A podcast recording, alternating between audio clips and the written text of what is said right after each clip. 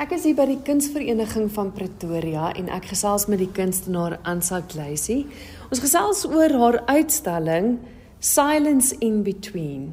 Hoekom die titel? Dis 'n Japaneese gesegde. Dit is eh, ehm uh, um, dis daai stilte tussen woorde, tussen gedagtes. Dat jy net so 'n bietjie moet pause neem en net dink en dan kan jy weer aangaan. So dis vir die persoon wat luister en vir die persoon wat praat. So dis in poesie sien jy dit. Jy sien dit in musiek tussen note, tussen arias, dan is daar so stiltetjie en dan gaan dit weer aan. En vir my het kuns dit vir my is spesifiek hierdie hierdie uitstalling wat ek nou aangewerk het. Was my dis is daai stilte van sneeu wat val. Jy moet mooi dink, dis 'n sagte proses. Jy begin iewerste en dan gaan jy aan en jy stop en jy staan terug en jy kyk en jy dink en dan gaan jy weer aan. Hmm. En dan so los jy die die probleem op of ja, jy kom tot by die einde van die kunswerk dan. ja. Jy het geweldig verskillende mediums waarin jy werk. Ja. Eintlik anderster, wil ek sê. Kyk, die pastel is daar, ja, maar ja. die borduur Jo, dis ongelooflik wat jy met garing kan maak. Christel, eh, eh, weet jy, die borduur is vir my teken. Ek kan glad die borduur om my lewe te red. Jy moenie vir my 'n blommetjie of 'n mooi dingetjie vir kussing gee nie, dan gaan ek laaste in die klas kom. maar vir my is dit net nog 'n uiteenloping van van teken. Dit is dis dis my alfabet. Dis my woorde. Dit dit is my ongelooflik lekker om te teken met garing. Dit vat verskriklik lank. My vingers is gedaan en ek dink ek het al ehm um, bietjie arthritis ook hande gekry in die proses, maar dis letterlik soos in ek dink alles sien omtrent 400 meter ehm um, garing en naalde wat in jou hand indruk, maar dit is so lekker om te sit en werk en jy sien hoe die ding begin gebeur en dat jy kan soos wat jy sou teken met 'n pastel of 'n potlood of 'n of 'n kwas dat jy dit met garing kan doen en en daai kleure wat net so ryk is. En my ma het ek het groot geword met stitching met met uh, borduur met klere maak. Sy het al ons klere vir ons gemaak. En ja dit ek het vir haar moeilike tyd gegee. Um, en dit ek doen dit ook. Is my ongelooflik lekker om klere te maak dis nie altyd so netjies aan die binnekant nie, maar dit is dis lyk lekker aan die buitekant. so ja, dis maar deel van my. Dis baie deel van my. Hier's is een werk wat wat letterlik lyk asof jy geteken het met die gare. Ja. jy maak nogals heel gereeld gebruik van fabels in jou werk. Ja. Dis dis onder andere een ja. van hulle. As die ander twee wat meer geteken is, maar wat ook fabels is. Ja. Jy hou van stories. Ek is mal oor stories. Ek jy kan vir my stories aan mekaar vertel. Of nou 'n kinderstorie is of 'n watse storie kristel, ek is mal daaroor. En ek is gedurig besig om om te lees en stories na te vors. En en ja, ek het vir my kinders, ons het stories opgemaak vir Afrika. En ek doen dit vir my kleindogter ook. As ek gaan kuier vir hulle in Londen, ek slaap in haar bed saam met haar en ons vertel stories dat dit ja, in 'n ander in 'n ander bloedgroep ingaan. Reg. Hierdie een wat jy van praat, is dit hierdie een? Ja. Ja, hy ehm um, dis 'n Indiese ehm um, vir ehm um, fabel The Bride Dog. En dit is hierdie mannetjie wat buffels opgepas het, 'n herder en sy honde. En hierdie hond, ek sê maar net vinnig want ek kan te veel praat, so jy moet maar stop. hierdie hond het so verdwyn elke keer en dan sien jy maar o, dan gaan die hond nou weer. Toe eendag toe dog hy nee nee, nou wag net 'n bietjie, hy gaan nou kyk. Toe volg hy nou die hond. En hierdie hond gaan toe in 'n vallei aan en daar's poele. En ewe skielik gooi hierdie hond sy pels af en die mees beeldskone vrou kom aan die ander kant uit en sy bad toe en sy swem en hy dog toe. Wow. Volg toe die hond nou mooi te kyk watter huis die hond bly en hy word nou ouer en soos dit nou maar in Indië moet gebeur moet hy nou vrou soek en ma en pa begin toe nou die proses.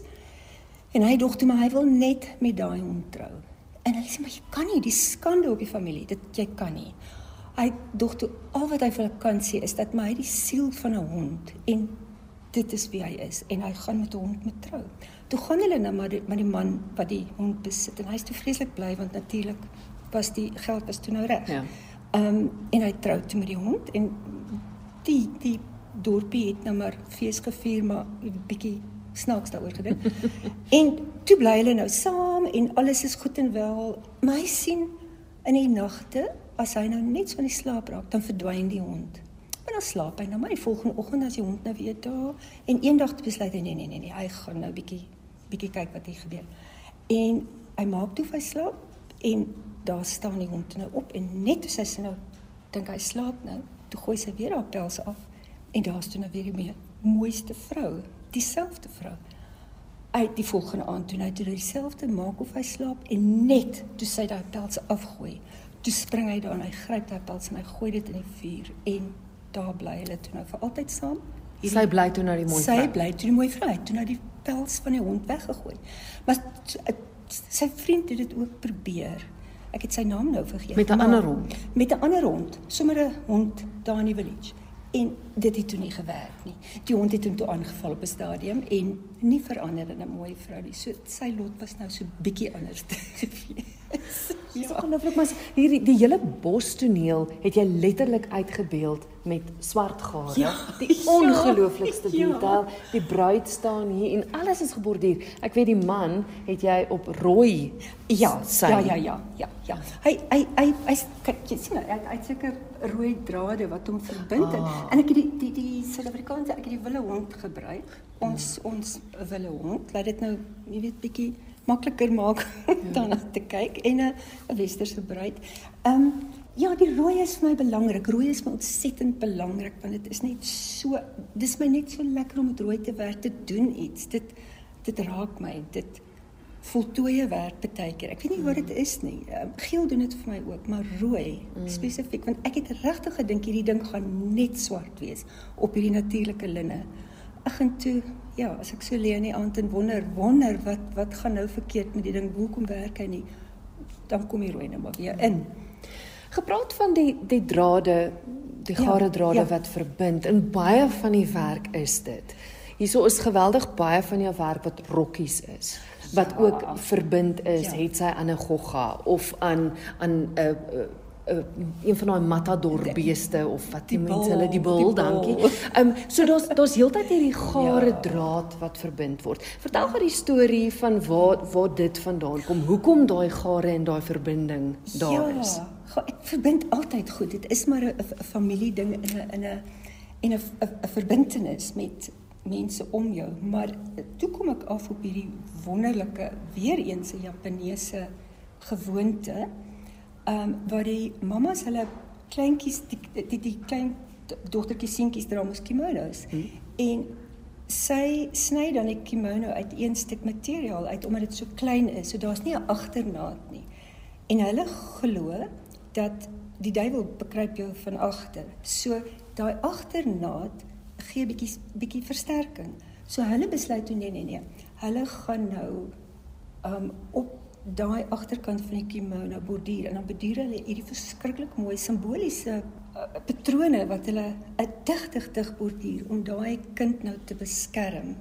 Maar dan los hulle ook en dis nou vir my die mooi deel, hulle los dan drade wat van daai borduurstukkies afhang. En dit is vir die goeie geeste nie vir die duiwel nie, vir die goeie geeste om vas te hou en die kind so te beskerm dat hy nie seer kry nie, dat hy altyd veilig sal wees. Is dit nie mooi nie? Dis die mooiste storie daai. Ja.